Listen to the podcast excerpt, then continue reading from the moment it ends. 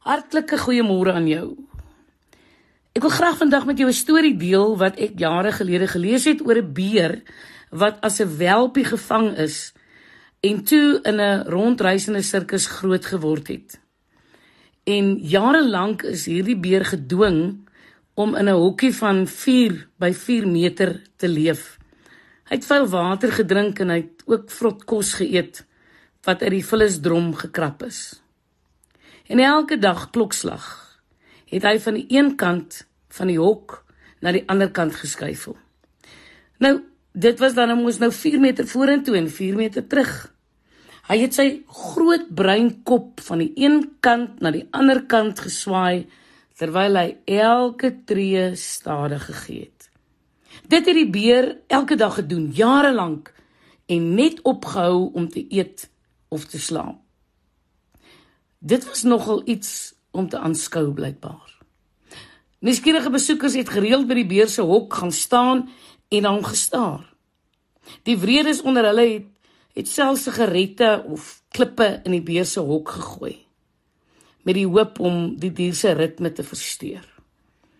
Jong maar ongeag wat na hom toe gegooi is, het die beer net aangehou met sy 4 meter skuifel.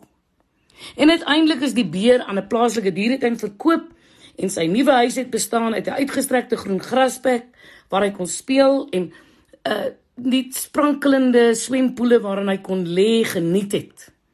Daar was selfs ander beere met wie hy kon speel. En toe die beer by sy nuwe tuiste aankom en die dieretuin opsigters die deur aan sy hok oopmaak, was hulle geskok toe die beer niks doen nie. Die beer het nie beweeg nie. Die dieretuin opsigters moes hom dwing om die oop ruimte te geniet. Toe uiteindelik in sy nuwe hok was, het die beer opgestaan en sy nuwe omgewing bekyk. Hy het in die middel van die groot uitgerekte ruimte gaan staan. Hy het vryheid gehad. Maar skielik het die beer met sy bekende te neergedrukte ritme begin. 4 meter vorentoe en 4 meter terug. Nou die dieretuin opsigters was natuurlik spraakloos. Hulle het vinnig besef die probleem was nie die nuwe hok nie, maar die beer se denke. Die beer is deur sy denke gevange gehou, nie deur eystertralies nie.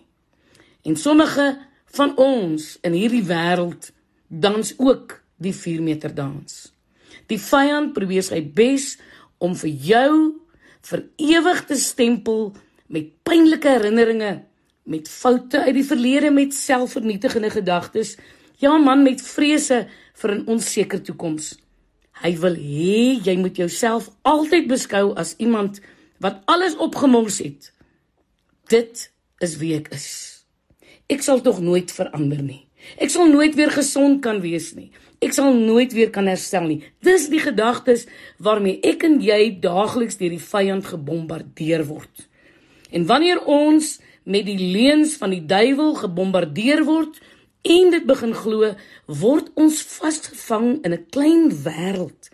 En in plaas daarvan om die vryheid te aanvaar en terug te hardloop na Jesus toe, probeer sommige van ons tydelike verligting vind deur onsself met kos en dwelms en drank en seks, ag jong en sommer met skuld te verdoof. Spreuke 4:23 sê: Wat ons dink, bepaal wat ons doen. As ons glo ons is vergewe, verlos, heel gemaak, genees en geskep vir groter dinge, sal dit ons werklikheid word. Die teenoorgestelde waarheid is moeiliker om te verwerk.